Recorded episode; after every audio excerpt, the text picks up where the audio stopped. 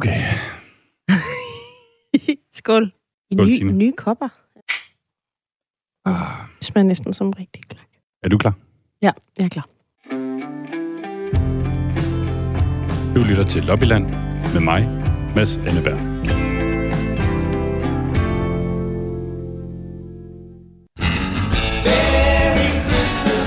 Jeg føler mig lidt som en idiot. Europa hat immer noch den Mut und die Fantasie, groß zu denken. Britain loves Denmark. Jeg tror, du overdriver lidt, når det kommer til størrelse. And you are making me cry. Velkommen til Lobbyland på Radio 4, og rigtig, rigtig glædelig jul og godt nytår til alle jer, der sidder og lytter med. Og We Are Gonna Have a Party, som de synger her, det her det er et helt særligt program, hvor vi kigger tilbage på det europæiske år, der er gået. Og det gør vi med julestemning og en helt særlig gæst. Jeg prøvede at lokke Niels Havsgaard til at være min julegæst, fordi han er sjov øh, og har nogle stærke holdninger til EU. Men han havde meget travlt. Så i stedet for, så er valget faldet på dig, Tine Toft. Velkommen. Helt oplagt. Også en meget sjov gæst. Præcis, du er relativt sjov. Og så er du også min tidligere medvært her på Lobbyland. Ja, det er helt underligt at høre introen, hvor du bare siger, med mig, Mads Anneberg. Der mangler noget. det kan jeg mærke, det er stadig ikke helt, jeg er stadig ikke helt sådan indfundet mig med den situation. Nej, for jeg skal sige, lige nu der er du jo på barsel, Tine. Ja. Og jeg kan kun gå ud fra, at du savner dit arbejde ret meget, siden du gider at sidde her øh, helt gratis og lave det her sammen med mig. Altså jeg vil sige, at, at jeg er jo kommet under øh, meget, meget høje krav til jul, hvilket øh, du har levet op til med en julestjerne, kleiner, øh, alkoholfri gløk, og hvad er det, de her hedder? Det er sådan noget Øh, snebolde. gamle snebolde, og et lys, Ja. og, og blomme i Madeira. Ja, der er juleservietter, der er en lille øh, jule... Øh, hvad hedder sådan noget? Lyskæde. Gud, er der også der er ikke det Og øh, jeg ved, skal vi prøve at sætte ild til? Altså julelys der, det er sådan en form for, for Ja, nisse, der sidder gøre på det? et juletræ. Ja. Har du en lighter? Og det er netop din betingelse for at være med, at julestemningen skulle være helt i top. Så jeg har Ja. virkelig, virkelig gjort mig umage for, at det her det skal være radioverdens svar på risalemang og flæskesteg. Øh, og du, du skal lige give mig en karakter, tror jeg, fra, fra 1 til 10. Men før du gør det, så jeg sætter lige den her på. Okay.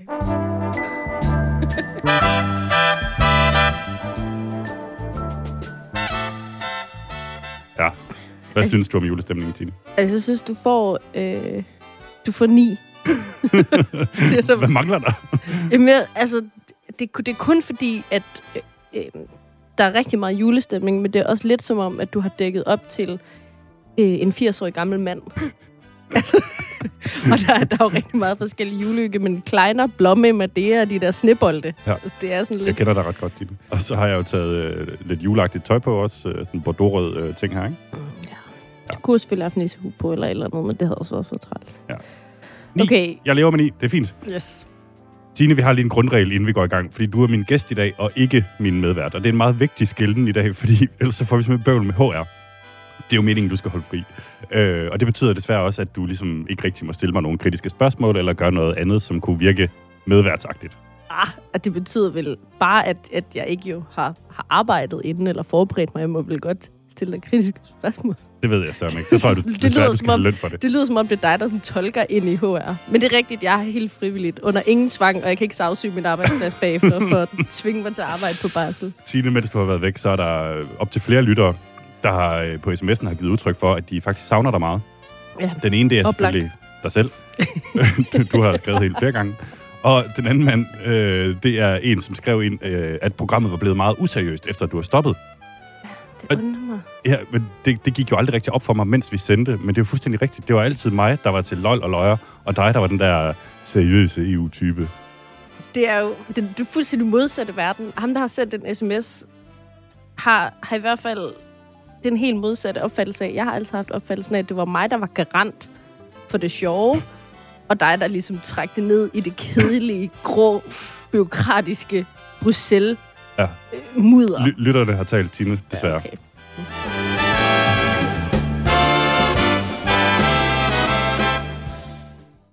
Nu forlader vi lige julehyggen for en stund. Det bliver der masser af tid til i løbet af programmet her. Men lige nu, der skal vi ombord i substansen. Ikke bare i kleinerne, men også i dagens tema. Altså året, der er gået i Europa. Og ikke mindst også, hvordan vi har forholdt os til det år her på Lobbyland. Det er nærmest en form for highlights-program, og jeg har taget nogle af de bedste klip med fra året, der gik. Tine, hvordan vil du beskrive det år, der er gået i EU? Øh, kæmpe succes For hvem? for EU. Det er vel ja, det, det nærmeste modsatte af, hvad der er sket for altså resten, der er 2020 bare sådan et, hvad hedder det, annus horribilis.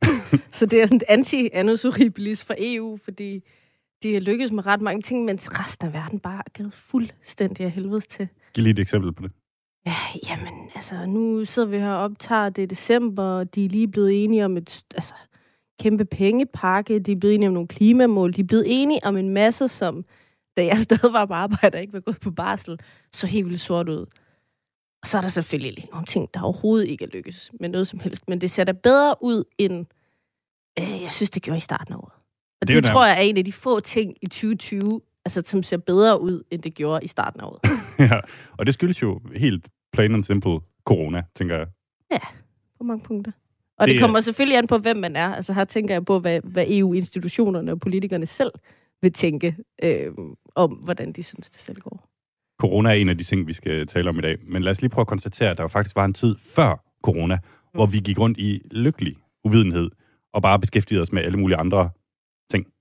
Det, Blandt andet, det kan jeg ikke engang huske. nej, men det er derfor, jeg har taget nogle klip med. Blandt andet så var der i EU-sammenhæng spørgsmålet om Peter Kofod fra Dansk Folkeparti og hans flag. Det var, det var tilbage i januar, hvor han sagde sådan her. Man har åbenbart bestemt, at vi ikke må have vores nationale bordfaner ved vores pladser mere. Hvis EU-eliten vil belære mig om, hvad vi skal gøre med vores flag, så kan jeg godt fortælle EU-eliten, hvad den kan gøre med vores flagstang. Jeg har ikke tænkt mig at rette ind. Gud ja. Gud ja. Europaparlamentet har altså forbudt Peter Kofod at have sit lille bitte bordflag med til de her store afstemninger i salen. Og på Lobbyland, der har vi jo altid stået på faktaens og på detaljernes side, så vi var nødt til lige at få etableret, hvor stort er sådan et lille bordflag egentlig? Jeg tror, du har ret, Peter. Altså, øh, dit flag, det, det er væsentligt mindre end, end mit flag. øh, jeg ved ikke, øh, synes du selv, dit er måske lidt for småt, når du kigger på, på mit her? Jeg synes, det er et fint flag. Jeg synes, det er, har den helt rigtige størrelse for en bordfane. Jeg synes lige, vi skal prøve at beskrive flaget her, fordi ja. det, du har med her, Peter, det er jo det, vi skal tage udgangspunkt i. Det er, ja, hvor højt vil du skyde på, det er 40 cm? 35, jeg ved sgu ikke. På højde med en colaflaske, ikke? Halvanden liters colaflaske måske. Ja, noget af den dur. Og så hænger, altså det er jo så en, en, en lille bitte flagstang, og så hænger der ligesom et, et flag ud fra, som vel er så 30 cm langt, og en blyant høj. Jeg tror, du overdriver lidt, når det kommer til størrelse. Men, øh, men Det vil jeg altså ikke siddende på. nej, det er jo sådan en ganske almindelig bordfane. Jeg ved ikke, om man laver dem i forskellige størrelser øh, i forskellige lande. Det ligner meget de andre bordfaner, vil jeg sige, øh, jeg har set. Men, men ja, relativt, relativt øh, småt. Relativt småt.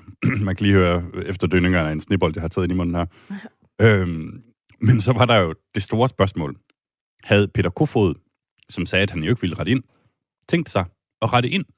Og det måtte vi faktisk vente helt til juli måned med at få et endegyldigt svar på. Jeg kan slet ikke huske, om du hørte det svar nogensinde. Mm, nej, altså, jeg ved i hvert fald ikke helt, hvad det endte med. Altså i forhold til flaget, hvis parlamentets bureau kommer og siger, at vi har truffet en beslutning om, at de her flag, at de er bare forbudt, det må I ikke, så kommer jeg selvfølgelig til at efterleve den beslutning, som parlamentets bureau laver eller kommer frem til. Så han har rettet ind. Han har rettet ind. Okay, men altså, hvad, hvad, hvad ville det have konsekvenser for ham? Ved du det? Hvis han havde øh, stået fast og kæmpet for fanen, lige meget hvor stor den er, fordi den var så vigtig, havde det så fået nogle konsekvenser? Altså, Det- er det, det- fordi, at, øh, at straffen simpelthen har været for stor, at han bare beslutter at rette ind? Men det er i hvert fald øh, endnu en øh, sejr for EU i det her Anus Horribilis, ja, det må man sige. at Peter Kofod, han retter ind. Ja. Øhm, I det her program, hvor vi øh, talte om Flaggate, der var vi faktisk begge to i Bruxelles. Mm. Og der kan jeg huske, at du gik rundt hele tiden og jokede med det her coronavirus. Øh, og det, altså, det blev jo totalt coronaen, der fik lov at læse sidst i den sammenhæng. at det er, det, det er helt underligt at tænke på. Jeg tror, jeg havde en, øh, jeg boede ved en veninde, der var syg, og jeg kan huske, vi, jeg tror faktisk, vi jokede, men ham, du er patient zero for det her corona. Og hun havde familiekorn. Nej, det var, ej, det er helt skidt, vi har gjort det. Jamen, det var lykkelig, lykkelig uvidenhed, det må man sige. Ja.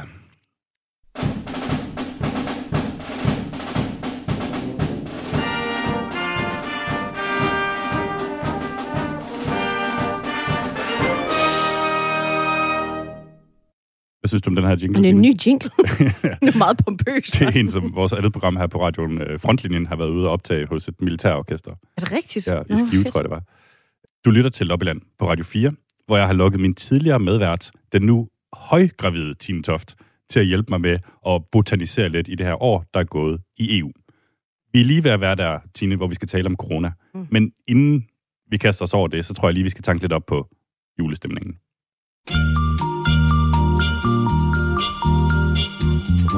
Jeg har jo faktisk også, altså, i min øh, sindssyge barselspanik, bagt småkager for første gang i, sådan, siden jeg var 15 år. Så jeg har taget ingefær småkager med.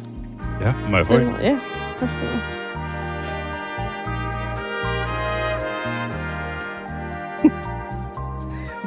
Skuffet for kort. Skål. Skål. Det er lum, lummer julen. Det tror jeg kommer på, hvem man er.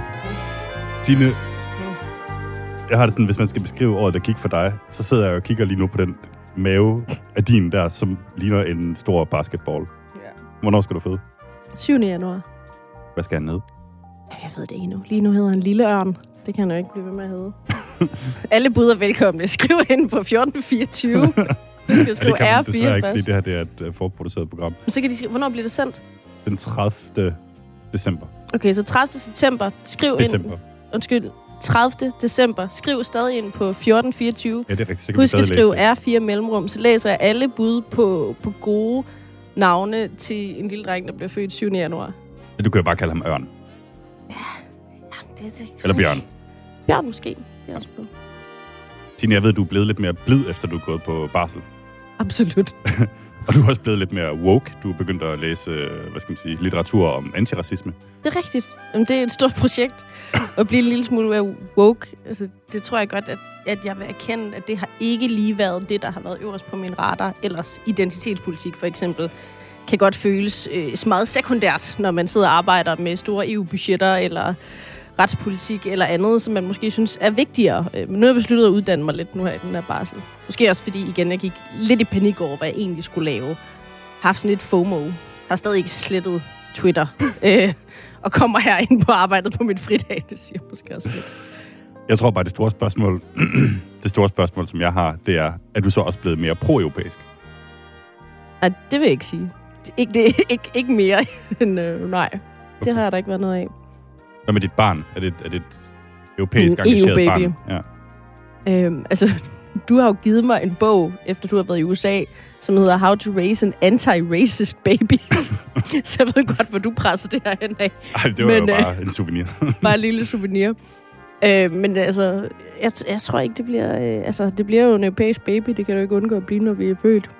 Altså, vi i er født i os et EU-land, men øh, ja. Ja.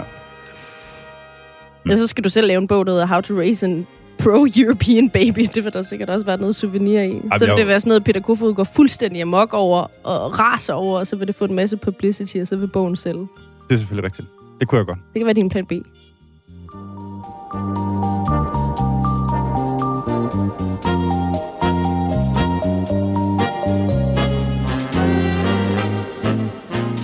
Tine, jeg har ringet til en lytter for at få hans take på året, der gik, både i EU og på Lobbyland. Han hedder Bjarne Kim Petersen. Han er digter, forfatter og fynbo.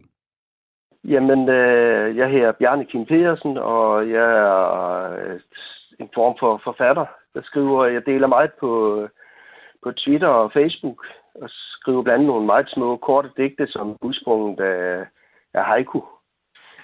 Øh, og jeg, altså jeg kalder dem ikke haiku, fordi at øh, så skal jeg hen og, i en diskussion med, med de øvrige meget, øh, hvad skal du sige, dedikerede haiku-digtere. Bjarne laver altså haiku-digte, men han tør ikke kalde dem haiku, fordi så skal de være i nutid Mm. og handle om natur.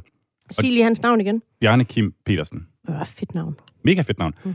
Øhm, og han gider altså ikke skrive om natur, Bjarne. Han vil hellere skrive om udenrigspolitik. Og faktisk så har han lavet et digt eksklusivt til os her på Lobbyland om året, der gik i EU. Det kommer vi til lige om lidt. Men allerførst så skal vi lige høre, hvad han bare sådan generelt synes om det år, vi har haft i EU. Jamen, det har, det har jo på alle måder været et uh, utroligt turbulent år for, uh, for hele verden, altså hvor Europa har ikke siden 2. verdenskrig øh, været i en, øh, en så stor prøvelse over det hele, altså så, så stort et pres. Og øh, der synes jeg, jeg synes ikke, man klarede det særlig godt i starten, for at sige det som det er. Okay, øh, så hvis, hvis det var men, en film, så, så starter vi dårligt, men øh, kommer vi igen så? Jamen, det, det, det, det synes jeg, øh, øh, afslutningen på, øh, altså øh, noget af det, som der, der er rigtigt, øh, jeg synes, at, hvor det vises øh, Europas styrke, det er, at man er i stand til at gå ud og lave nogle fælles forhandlinger om øh, sikre øh, coronavaccinationer. Ja. Det er også ret centralt, det han siger der. Altså, hvis EU på nogen måde skulle vise, nu har vi faktisk fået styr på det, i forhold til i starten af året, hvor der ikke var styr på en skid, og man ikke gad sælge hinanden noget, og så er det da lige præcis de der fælles køb af vacciner, præcis. Der kommer til nok at vise, prøv at høre, det er derfor, vi samarbejder om det, det er fordi Danmark selv måske ikke ville have så meget gennemslagskraft, hvis man skulle købe en vaccine. Altså, så det er et ret godt eksempel, han kommer med egentlig. Fuldstændig, og fuldstændig øh, oplagt øh, mulighed for EU. Lad os lige prøve at høre, hvad Bjarne synes om året, der gik her i programmet. Jamen, jeg synes, jeg, jeg synes at det er en øh, spændende, forfriskende radio, at I, øh, I laver, og øh, jeg, jeg synes, det er dejligt, at, at der er en, øh, en øh, hel time, hvor at øh, du sætter fokus på, på øh, EU og EU-politik, og, og tør tage nogle emner op, altså som man normalt ikke. Og, og, og vi kan jo se, det er jo lige før, altså hvis man ser på hele mediebilledet i Danmark, der er det jo lige før, at, øh, at sådan som øh, valget i USA, det bliver dækket meget mere, end man dækker EU. Ja, det kommer jeg Sådan desværre også selv I- til at, til at bidrage til, fordi jeg var derovre og dække det. Ja, jamen det ved, det ved, det ved, jeg- det ved jeg godt, men, men, men stadigvæk så i, i, den, øh, i, i den almindelige dækning, der dækker man stort set kun EU, når der er problemer. Nå, jamen, ved du hvad, Bjarne, det er jeg rigtig, rigtig glad for at høre. Nu- Nu skal du lige prøve at gå i den anden grøft, og så sige, hvad er det aller værste, du kan sige om Lobbyland på Radio 4? Det... Øh... Nej, jeg, altså jeg synes, den, den tid, hvor jeg havde forskellige øh, politikere inde, og, og hvor de skulle køre det, Mm. øh, der, det, var, det, var meget, det var meget svingende, hvad de lavede, vil jeg nok sige. Øh, men, men det er det jo nødt til at være, når, når du du kan ikke, du kan ikke, du kan ikke lave en, en, øh, en screening på forhånd og sige, du og du og ikke. Nej, det kunne vi desværre ikke. Nej, okay. Nå, det er nogle gode pointer fra ham der, synes jeg. Ja. Igen. Han, han var lidt positiv over for programmet, men det må man også godt lige tage med en gang imellem, synes jeg. Ja, helt klart. Særligt fra en, der, der er forfatter og digter. Absolut. Og nu skal vi til det store øjeblik. The big reveal. Altså et digt, som ikke er haiku. Ja, det Men- som, vi må ikke kalde det haiku, Nej, okay. Men det er på haiku, hvad skal man sige, vers. Vers. Og det er sådan noget, det er fem stavelser, syv stavelser, fem stavelser eller sådan noget. Mm, lad os prøve at høre.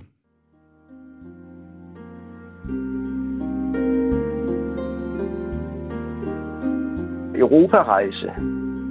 De første stik mod genåbningstiden. EU vaccineindkøb.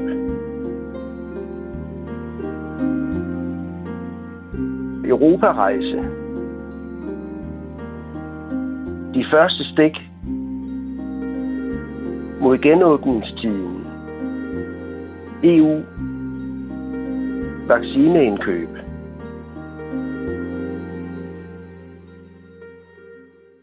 Meget poetisk. Meget poetisk. Jeg tillod mig også lige at sætte lidt baggrundsmusik på. Det synes jeg virkelig, det klæder det. Og det handler altså om det her med den store genåbning og vaccinerne. Mm.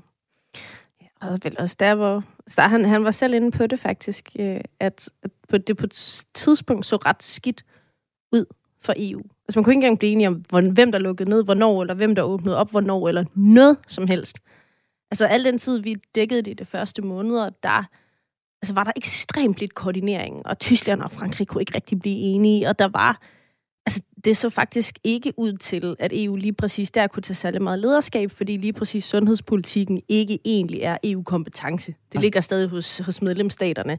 Så jeg synes, jeg synes egentlig, han rammer meget plet. Fuldstændig. Og, og, og det var jo helt kaotisk. Altså, der var nærmest lande, der prøvede at stjæle sådan udstyr fra hinanden. Og, Ja. altså, det, var, det var virkelig noget, noget, noget hø. Ja, vi fik heller ikke lige frem sendt et godt signal afsted fra Danmark til de der ikke så funktionelle respiratorer til Italien. og det var han faktisk også inde på. øh, Det her bare klippet ud. Men. Ja. men hvor han så siger, nu har vi trods alt sendt nogen afsted til Ukraine, som vi nok tror, der, der, der virker. ikke. Så det bliver bedre hen i løbet af det her 2020 herrens år. Der er vel også bare et eller andet EU-centralt ved øh, haiku-lignende digte. Var det ikke en tidligere EU-chef, øh, Herman von Rompuy, som, som skrev haiku-digte? Jo. det var sådan en helt speciel, sådan ellers lidt tør kiks, som sad der i spidsen for, for EU og skrev haiku-digte, nu når jeg kommer i tanke om det. Ej, det er rigtigt. Det er sådan Det gjorde, han, det gjorde han så meget. Okay, øhm, den her koordination mellem EU-landene, den var virkelig til at overse. Øh, blandt andet, så var der jo nogle lande, der syntes, at man skulle have maske på tilbage i foråret, og så var der nogle lande som Danmark, hvor vi tænkte, nej, det gider vi godt nok ikke. Og det var du ude og undersøge, hvorfor danskerne egentlig havde så meget imod det. Det her Okay. klip, det er, det er fra april. Jeg synes, det, det ældes enormt godt. Nu har jeg taget min hjemmelavede maske på. Den er hvid og har to lag bomuld, fordi den er lavet af en t-shirt. Og inden mellem de to lag bomuld, der er der så tre lag køkkenrulle. Må jeg spørge dig om noget til Radio 4? Ja. Hvad hedder du? Jeg hedder Morten, Morten, hvorfor har du ikke maske på? fordi det anbefaler sundhedsmyndighederne ikke, at man gør endnu. Hvad med bare for en sikkerheds skyld? Altså bare som sådan ekstra precaution. Jamen, det er jeg ikke bange for. Jeg er ung og rask, og tror ikke, at jeg bliver meget syg af at få corona. Men nu er det jo ikke kun dig, det handler om, Morten. Det er jo også andre, når man sådan rigtigt. bærer smitte. Ja, men vi sørger os for at holde os på god afstand af alle andre mennesker, så vi ikke risikerer at smitte andre. Hvad tænker du om øh, min hjemmelavede maske? Øh, Det er nok bedre end ikke at have nogen maske på, så øh, det hjælper nok en smule. Jamen, det har jeg ikke, fordi jeg, jeg frygter ikke at blive smittet af at gå på gaden her. Og så har jeg ikke brug for at have maske på, tror jeg. Øh, og så synes jeg også, at det sender et, et, et sådan lidt, ikke nødvendigvis skræmmende signal, men øh, Kan du ikke lige beskrive det signal? mm, først så så jeg det, og så tænkte jeg, øh, om du selv var syg, eller om, om du er meget skrøbelig og bange for at blive syg. Og så tror jeg, jeg tænker, at hvis, hvis du har den på, fordi du er bange for at blive syg, så, så synes jeg måske, du skulle blive hjemme, i stedet for at gå ud på gaden. Det har taget mig 10 minutter at lave den her. Og jeg overvejer lidt, om det er noget, jeg kan sælge fra dette. Nej, tror jeg ikke. tror jeg ikke. Mm, altså, du er en af de første, jeg ser, der har maske på, så jeg tror ikke, at det er noget, folk de har lyst til at gå med. Så tror jeg, man bliver hjemme, hvis man er bange for at blive smittet. Allerede nu, så krydser jeg jo fingre for, at der ikke er nogen, der har set mig gå ud af min egen opgang med den her maske på. Hvor er den var varm. Det er også lidt et problem, at folk kan jo ikke rigtig se, at man smiler til dem, når man har maske på. Undskyld. Må jeg spørge dig om noget til Radio 4? Nej. Jeg kan indtil videre sige, at øh, den hyppigste reaktion til det her er, at folk griner over bærene. Undskyld, må jeg spørge dig om noget til Radio 4? Hvor meget vil du betale for sådan en hjemmelavet en, som jeg har her? Jeg vil ikke købe din, så vil jeg lave den selv. Jeg har mange laner. Det er kun bankrøver, der har altså en på. Hun brug for Nej, nu skal du være ordentlig. Jeg kan også godt afsløre, at altså, jeg føler mig lidt som en idiot. Ja, det kan jeg godt forstå. Det er i orden at være idiot i disse tider. Det er et så fantastisk klip, det her, fordi det er jo helt tilbage fra april måned i år. Det er helt absurd egentlig at høre. Helt absurd. Og den her kamp, altså danskernes frihed versus mundbind, den vandt mundbinden jo overlænt. Ja. Ja, Ja, fordi på det her tidspunkt, der var virkelig ingen, der gik med noget som helst. Nej. Og vi havde, jeg kan ikke huske, hvor mange måneder det var, vi sendte, hvor du var i øh, Belgien, og jeg var i Danmark. Øh, men hvor du ligesom oplevede Belgien rykke hen på et helt andet niveau end Danmark. Så det var sådan lidt som at se øh, EU fra, øh, fra to parallelverdener. Siden dengang, Tine, der er der kommet mere orden i gelederne i EU. Det talte vi om før. Der er større koordination, ikke mindst også når det kommer til det her med indkøb af, af vacciner.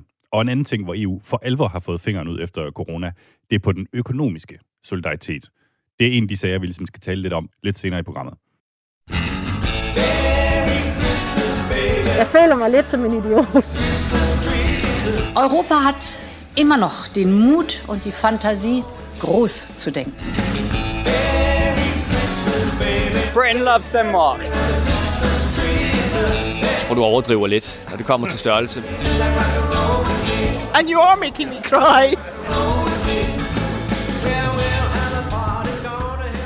Velkommen tilbage til Lobbyland på Radio 4. Et program, der helliger sig EU og blandt andet, hvor meget Danmark får ud af det samarbejde. Men det her, det er en julespecial. Jeg kigger tilbage på det år, der er gået i EU, og det gør jeg sammen med min tidligere medvært, Tine Toft. Har jeg husket at nævne, at jeg er rigtig glad for, at du er her? Ja, men det kan du bare sige igen. Det er Jeg er også glad for at være her. Og jeg er glad for, at du er levet op til, til kravet om max julestemning. Jeg skulle lige til at spørge, synes du, synes du stadig, det er jule nok? Helt klart, når jeg smagte på kleinerne. Sådan en ordentlig klump klein i munden. Og så var et af kravene jo også juleøl. Og, øh, og det her er jo en alkoholfri øl. Det kan godt være, det ikke er en juleøl, men, men det er en alkoholfri øl, og det er jul. Ved du, hvorfor det lige præcis er den der øl, vi skal have? Øh, nej, jeg ved det ikke. Det er fordi, det næste, vi skal tale om, det er Brexit. Ah, selvfølgelig. Og det her, det er en britisk øl. Og det er jo noget, man skal huske at stokke op på her før nytår, fordi det, de kan risikere simpelthen at blive meget dyrere bagefter. I am fucking gutted and I am so sorry. I'm not crying! Brexit. Ja, da jeg sagde, at der er jo ret mange ting, EU er endt med at få styr på, som de ikke havde i starten af året, så er Brexit jo så en af dem, der stadig trækker lidt i den anden retning. 100 procent. Og jeg tror, nu er et rigtig, rigtig godt tidspunkt at indrømme noget på. Vi sidder og optager det her den 13. december. Vi aner ikke, hvordan det kommer til at gå med Brexit. De er lige, øh, hvad skal man sige, skøjtet hen over en, endnu en deadline i dag, søndag. Kommer der en aftale med britterne? Jeg håber simpelthen sådan, at I, der sidder ude i fremtiden og lytter til det her, ved det. Altså, at I er klogere, end vi er. Men en af de øh, ting, som sagt, jeg har taget med i, i dag, det er den her britiske øl, fordi vi skal bare være på den sikre side. Ikke? Mm. Det handler om at hamstre britiske ting nu, hvis er det nu god. går galt. Jamen lad, lad os lige... Ja. ja. Er, er en alkoholfri øl at være, ikke? Præcis. Så synes jeg faktisk, den er fin. Ja.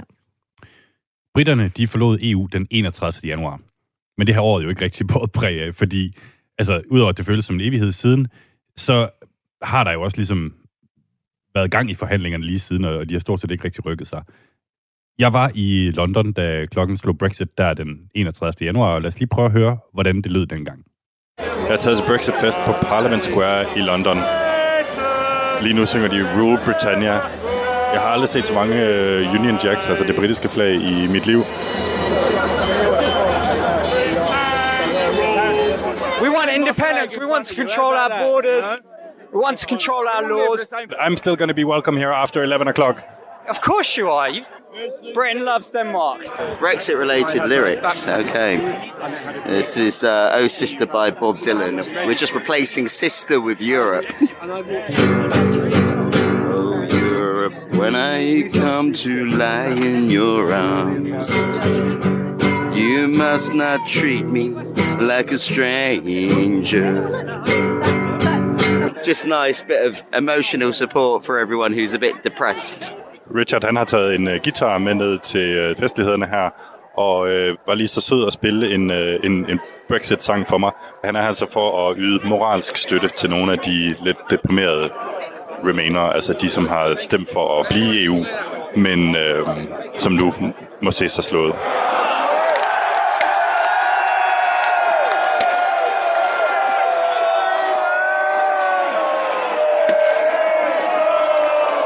I'd just like to apologise on behalf of the British people. We do support the EU. We wish we were part of it, and we're really sorry. We both cried earlier. You did. We actually genuinely cried. You did. That's It, the sad genuinely cried. Every I am fucking gutted, and I am so sorry. Kan du høre på et tidspunkt, der er en, der råber, freedom! Ja. Vedkommende skulle bare vide, altså, hvordan det kommer til at gå resten af året, ikke? Op og ned med forhandlinger til højre og venstre, op og ned og stolper væk, ikke? Jeg tror også, at hvis man laver sådan en, en quiz for året, der er gået, hvor man, altså, hvor et af svarene er, når britterne træder ud af EU, det tror jeg ikke, der er mange, der tænker på, at de egentlig altså, har gjort Nej, nej, den præcis. 31. januar. Det gjorde de totalt, i hvert fald symbolisk. Ja. Øh, og lige inden det her, der skete noget andet symbolisk, nemlig at de britiske europaparlamentarikere, de forlod Bruxelles. De holdt op med at arbejde dernede. Øh, De stoppede i embedet ved udgangen af januar. Det var der selvfølgelig nogen, der var rigtig glade for at have blandt Nigel Farage fra Brexit Party. Men der var også nogen, for hvem det var en lidt mere, skal vi sige, sørgelig dag. Kan du huske det her klip, hvor... Ja, det er meget ømt, det klip, Ja, det er så ømt. Det er Asger Christensen, som sidder i Europaparlamentet for Venstre, der har fået mig smuglet ind til en farvelfest, hvor vi blandt andet tager afsked med hans kollega Sheila Ritchie fra Skotland. So, thank you for this uh, seven months, and uh, we are very sorry to uh, leave you. We're very sorry to be going. Not crying, I'm not crying. I'm not crying. Is it a sad day though? The whole thing's a catastrophe. It's a disaster for my country, economically, socially, and culturally. Um, for me personally, it's, I think this is the best job in British politics. And after seven months, they've taken it away from me. So, yeah, that's pretty sad. And you are making me cry. I'm not crying. I want to celebrate the friendship, not mourn the loss. Yeah, that's why the champagne is here to celebrate instead of mourning. I'm drinking gin. Makes you sad. Ja, stakkels Sheila Ritchie. Hun drikker gin. Det gør dig trist. Ja, det er, det er specielt. Altså tænk, alt det her er sket. De er trådt ud. Britterne har forladt Europaparlamentet. Og alligevel, så sidder vi altså på næsten den yderste dag af året, og der er stadig ikke noget på plads. Det er, Nej, det er det har været fuldstændig vanvittigt år. Og øh, hun er altså skotte, hende her, Sheila Ritchie, som vi hører fra. Og på et eller andet tidspunkt, Tine, der kalder du den. Vi skal have fat i de skotter. De er så trætte af at være en del af Storbritannien, ja. og de er så trætte af at skulle forlade EU sammen med dem. Hvorfor skulle vi ikke bare invitere dem ind i Skandinavien i stedet for? Fordi nu skal vi til noget kærlighed og sækkepiber. I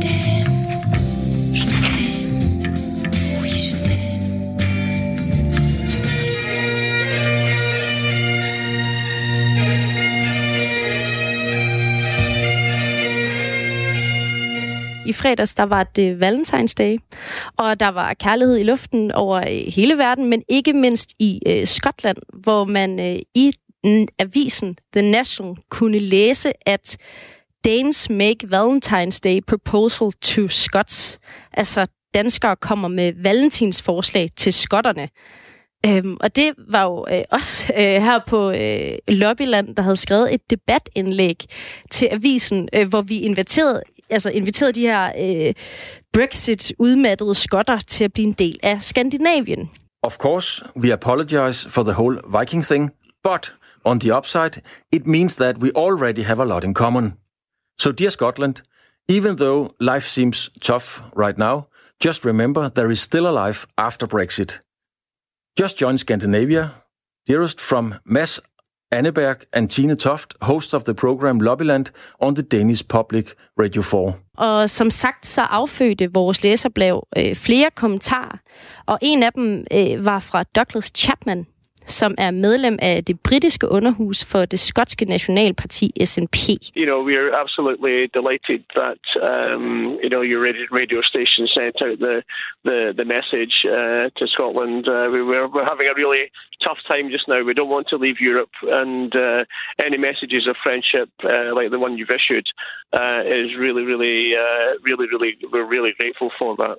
We're just asking, uh, Mr. Chapman, whether we could also get a part of the whiskey uh, if you were to join us in Scandinavia. Well, uh, I'm sure we could do an exchange for some Lego bricks or something like that. I think that might be a, a, a good deal to do. Jamen altså, det var en meget øh, romantisk periode, faktisk. Ja, det var det virkelig. Det var lige omkring Valentine's Day. Mm. Og det var også i år.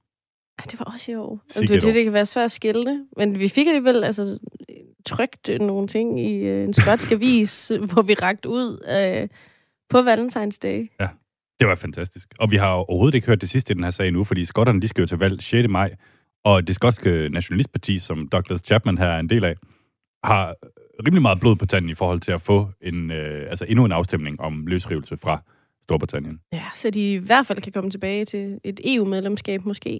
Ja. Så skal vi jo Måske bare have, Skandinavien. have riven ud efter at få dem med i Præcis.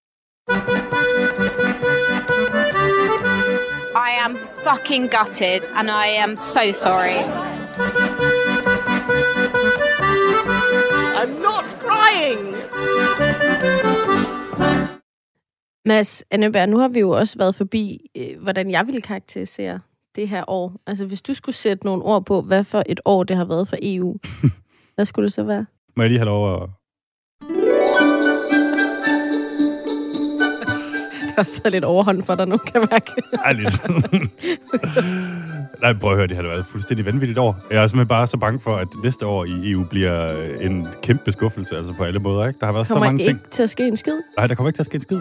Og altså, ja, som du er inde på, så har EU jo, jo haft det godt på en måde. Ikke? Der, der er kommet lidt mere, øh, hvad skal man sige, øh, lidt mere ilde i pejsen, lidt mere brænde i pejsen øh, på, på, på det store EU-projekt på grund af corona. Men det, jeg hæfter mig ved, det er bare simpelthen intensiteten af det, der er sket i løbet af året. Altså, øh, altså, det er jo også måske meget klassisk for statsminister Mette Frederiksen de her dage at kommunikere via sociale medier, nogle gange frem for faktisk at tale med pressen. Noget, det hun er meget glad for, det er jo også at, at lægge ting op på Instagram. Og der har også været en del af de der billeder med, med lange netter, øh, hvor hun ser træt ud, og Ja, hvor er der har været mange intense møder. Der er mange af de og- der EU-topmøder, hvor de bare sidder og hænger hen over bordet klokken 4 om natten. Ja, hvor de ikke har sovet i 21 timer eller et eller andet. Det har også været ret vildt. En af de ting, øh, de har diskuteret på de her møder, det er den øh, ting, som vi skal forbi øh, til sidst her i vores store tilbageblik. Fordi hvis der er én ting, som Lobbyland har sat sig på, så er det det her syvårsbudget i EU.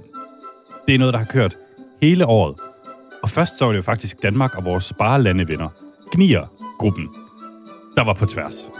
EU-budgettet måtte ikke stige, sagde vi, selvom det måske var en lidt upopulær holdning hos de andre lande.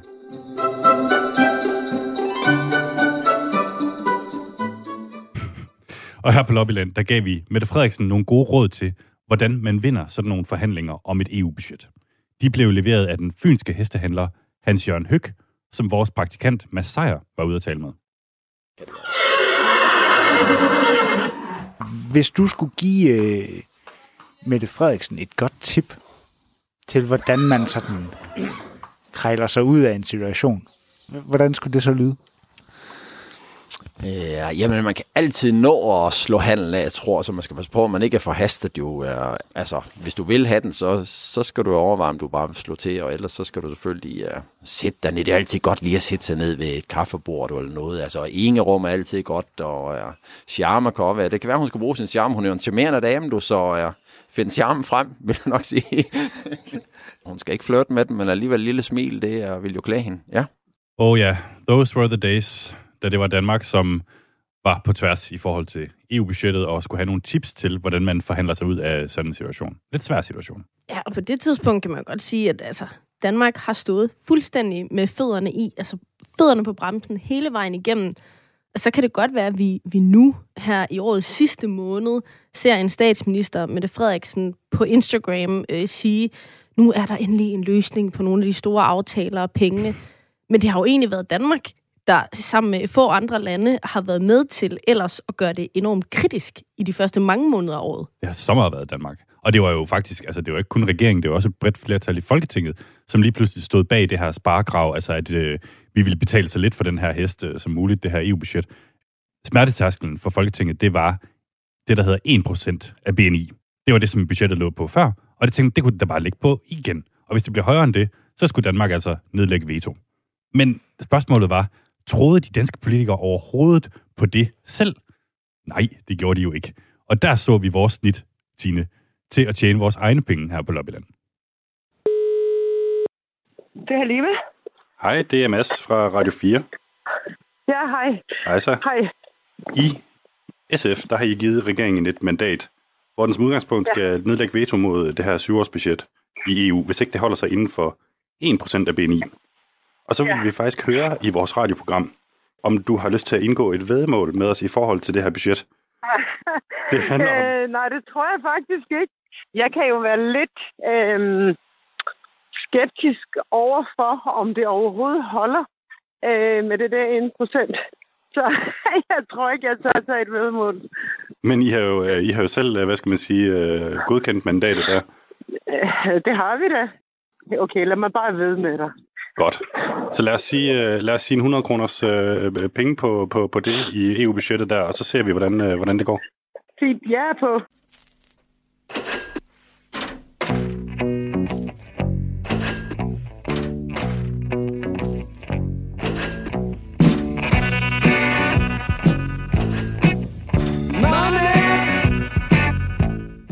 Det vedmål vandt vi jo stort.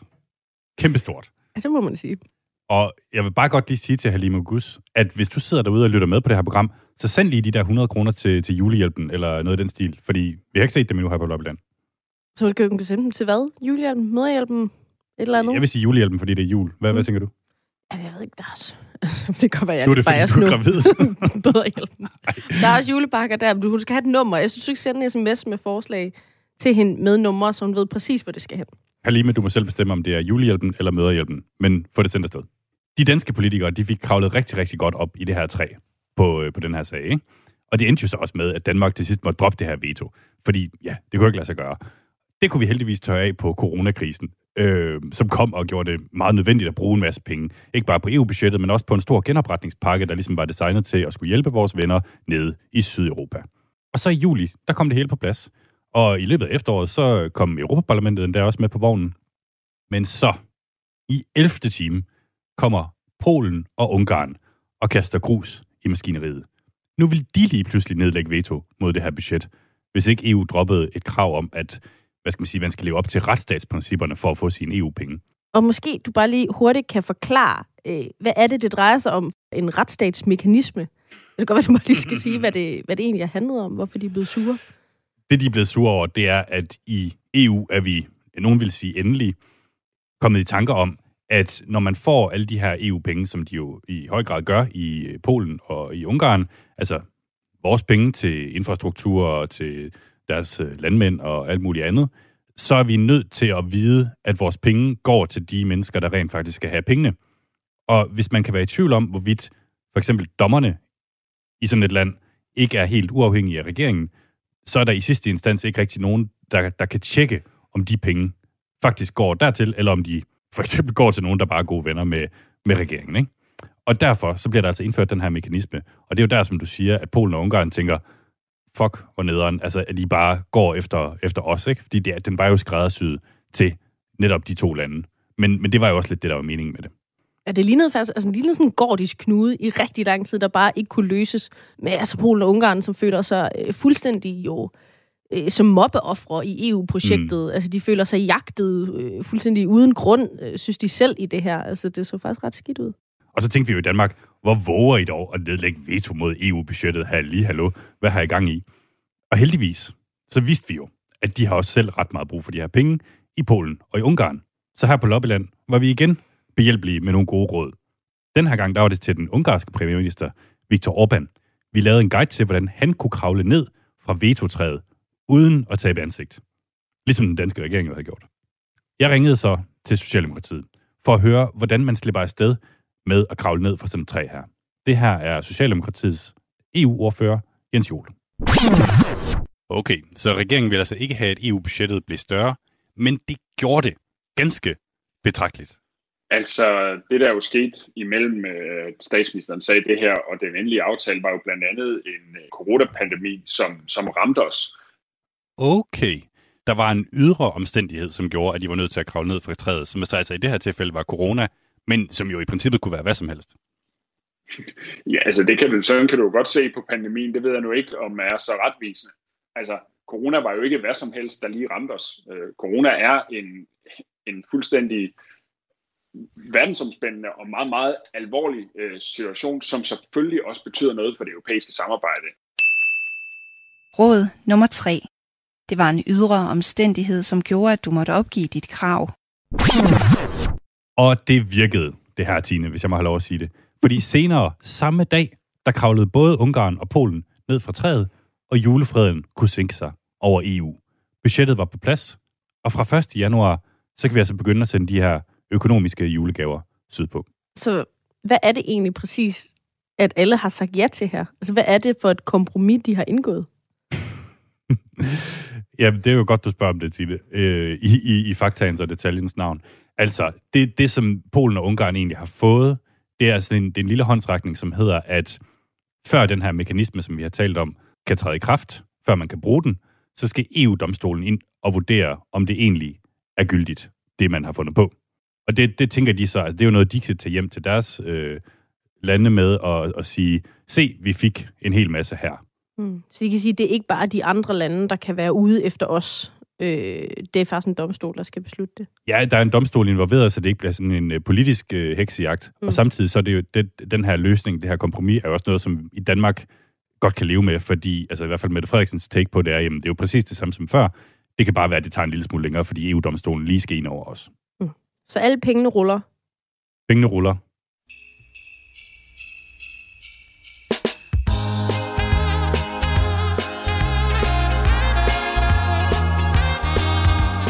Rockin' and the jingle jangling for the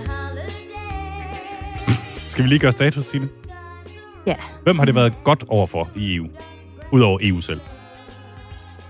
Øh, det har været et godt år for de lande, der gerne ser et stærkere EU. Ja. De lande, som øh, har været trætte af Storbritannien over en længere periode, fordi Storbritannien, lidt ligesom Danmark, har været garant for at sætte øh, hælene i, når øh, EU-landene har nærmet sig for meget hinanden på en eller anden måde. Det der med, at Storbritannien er ude, ikke har noget at skulle have sagt mere, det gør jo, sådan nogle lande som altså, Macron i Frankrig, og også Merkel i Tyskland, og, og mange andre, altså faktisk bedre kan rykke tættere sammen. Så jeg tror godt, man kan sige, at det har været et godt år for dem, der gerne ser et stærkere EU-samarbejde. Det tror jeg virkelig også. Jeg tror, der, de sidder og jubler nede i Frankrig lige nu, selvom det selvfølgelig gør ondt på kort sigt med, med, med Brexit, uanset hvad der kommer til at ske. Mm. Så er det da noget, de i hvert fald godt kan bruge til noget på lang sigt. Ja, og hvis man så lige vender den om, så hvad med så for Danmark? Ja. Fordi vi jo netop har været så tætte på Storbritannien, altid med vores forbehold og vores øh, på nogle punkter skepsis, i hvert fald i forhold til mere integration i, i EU. Øh, der står vi pludselig meget alene. Altså, det er jo også ret tydeligt her, at selv med en regering, hvor Mette Frederiksen kaldte det gak, tror jeg også på et tidspunkt, at, at budgettet skulle hæves og alt muligt andet. Altså selv øh, om vi har øh, politikere herhjemme, som virkelig ikke vil have mere integration på EU-niveau, så kan vi pludselig ende med at stå ret alene. Og vi har så prøvet i løbet af året i Danmark at slå os mere sammen med øh, for eksempel øh, altså Holland, Østrig, Sverige på nogle punkter. Øh, men det bliver en helt anden opgave for Danmark, end det har været før, hvor vi bare lidt kunne læne os op af vores øh, ældre søskende i, i Storbritannien. Det er der ingen tvivl om, og der må Danmark jo på en måde ligesom ud og skabe nogle nye alliancer, det har man jo allerede lidt gjort med den her mm. øh, spareklub, som, som vi har talt om før, ikke? Og, øh, og så, så må vi jo se, hvordan det går. Og så det, noget af det, der har været sådan et kæmpe dagsorden. En ting er, er pengene, altså hvor man vel godt kan sige, om det har vel været... Det ender vel med at være et godt år for de lande, som primært bliver modtagere af den her kæmpe genopretningspakke. Øh, måske altså også Polen, Italien, nogle af de lande, de vil endte med at være glade. Selvom de måske ikke lige får pengene øh, ind på kontoen med det samme. Jamen helt sikkert, og det får de jo snart ind på kontoen. Altså, de begynder jo at rulle her i, i, starten af det nye år. Mm. Og, og, og det var noget, som... Altså, det virkede også til, at de var blevet meget sure, hvis ikke det var lykkedes. Altså, ja. fordi der, der bredte sig lidt en stemning i Italien om, at okay, kan I overhovedet hjælpe os med noget EU? Ja, der var der en kæmpe EU-skepsis i Italien. Ja. Altså on the rise. Jeg ved ikke, hvordan den ser ud nu overhovedet, eller hvordan den ender med at se ud. Og der var det der spændende, hvad skal man sige, skisme mellem, at man skulle passe på at give dem nok til, at deres EU-skepsis ikke voksede, men man skulle passe på ikke at give dem så meget, at vores EU-skepsis, blandt andet i Danmark, ja. voksede. Og der ved jeg ikke, altså, jeg synes ikke, der har været kæmpe tendenser i, i den retning, faktisk. Nej, det er måske også på grund af Brexit. Altså det der med den usikre situation gør, at, at EU-skepsisen nok ligger lidt på hold, indtil vi ved præcis, hvad der sker med britterne. Og vi ved jo, der ligger nogle politikere også øh, på lur, så at sige, til at, at, at, ja. kopiere den øh, model, som, som britterne får, når vi lige ser, om, om det egentlig ser godt ud eller ej. Men der er også nogle andre, øh, i, i nogen andre, det er ikke et individ, vi snakker om her, men der er også et andet område, der har været kæmpestort, det er klimaet. Altså, er det, har det været godt eller skidt år for klimaet, øh, hvis klimaet nu havde regnet med EU som sin største marker?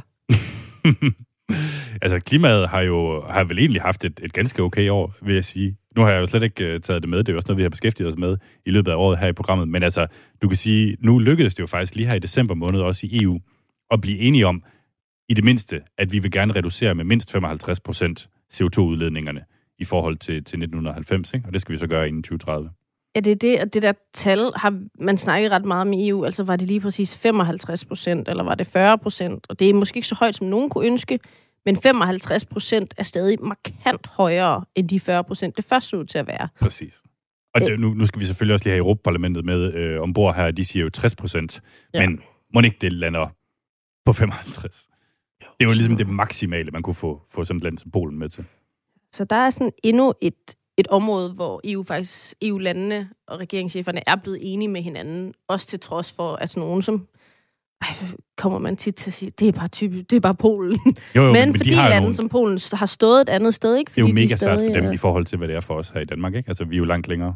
Ja, altså, det er bare 10 gange dyrere for dem at omstille fra kul og alt muligt andet, bare fordi vi andre har kørt i dyre biler og forbrugt rigtig meget rigtig lang tid. Ja, og en ting er så at få sat et tal på næste år, der skal vi så også blive lidt mere konkrete på, hvordan gør man egentlig det. Skål. Skål. I næsten, næsten juleøl. Når det her program bliver sendt, Tine, så er du blevet, øh, du er i hvert fald lige på tasken til at blive mor til en lille antiracistisk baby. Ja, det kan være, det er sket. Rigtig, rigtig glædelig jul til dig, Tine. Glædelig jul. Og glædelig jul til jer, der lytter med derude. Det er selvfølgelig allerede den 30. når I hører det her, så I måske er lidt trætte af af jul, så kan jeg til gengæld ønske rigtig, rigtig godt nytår.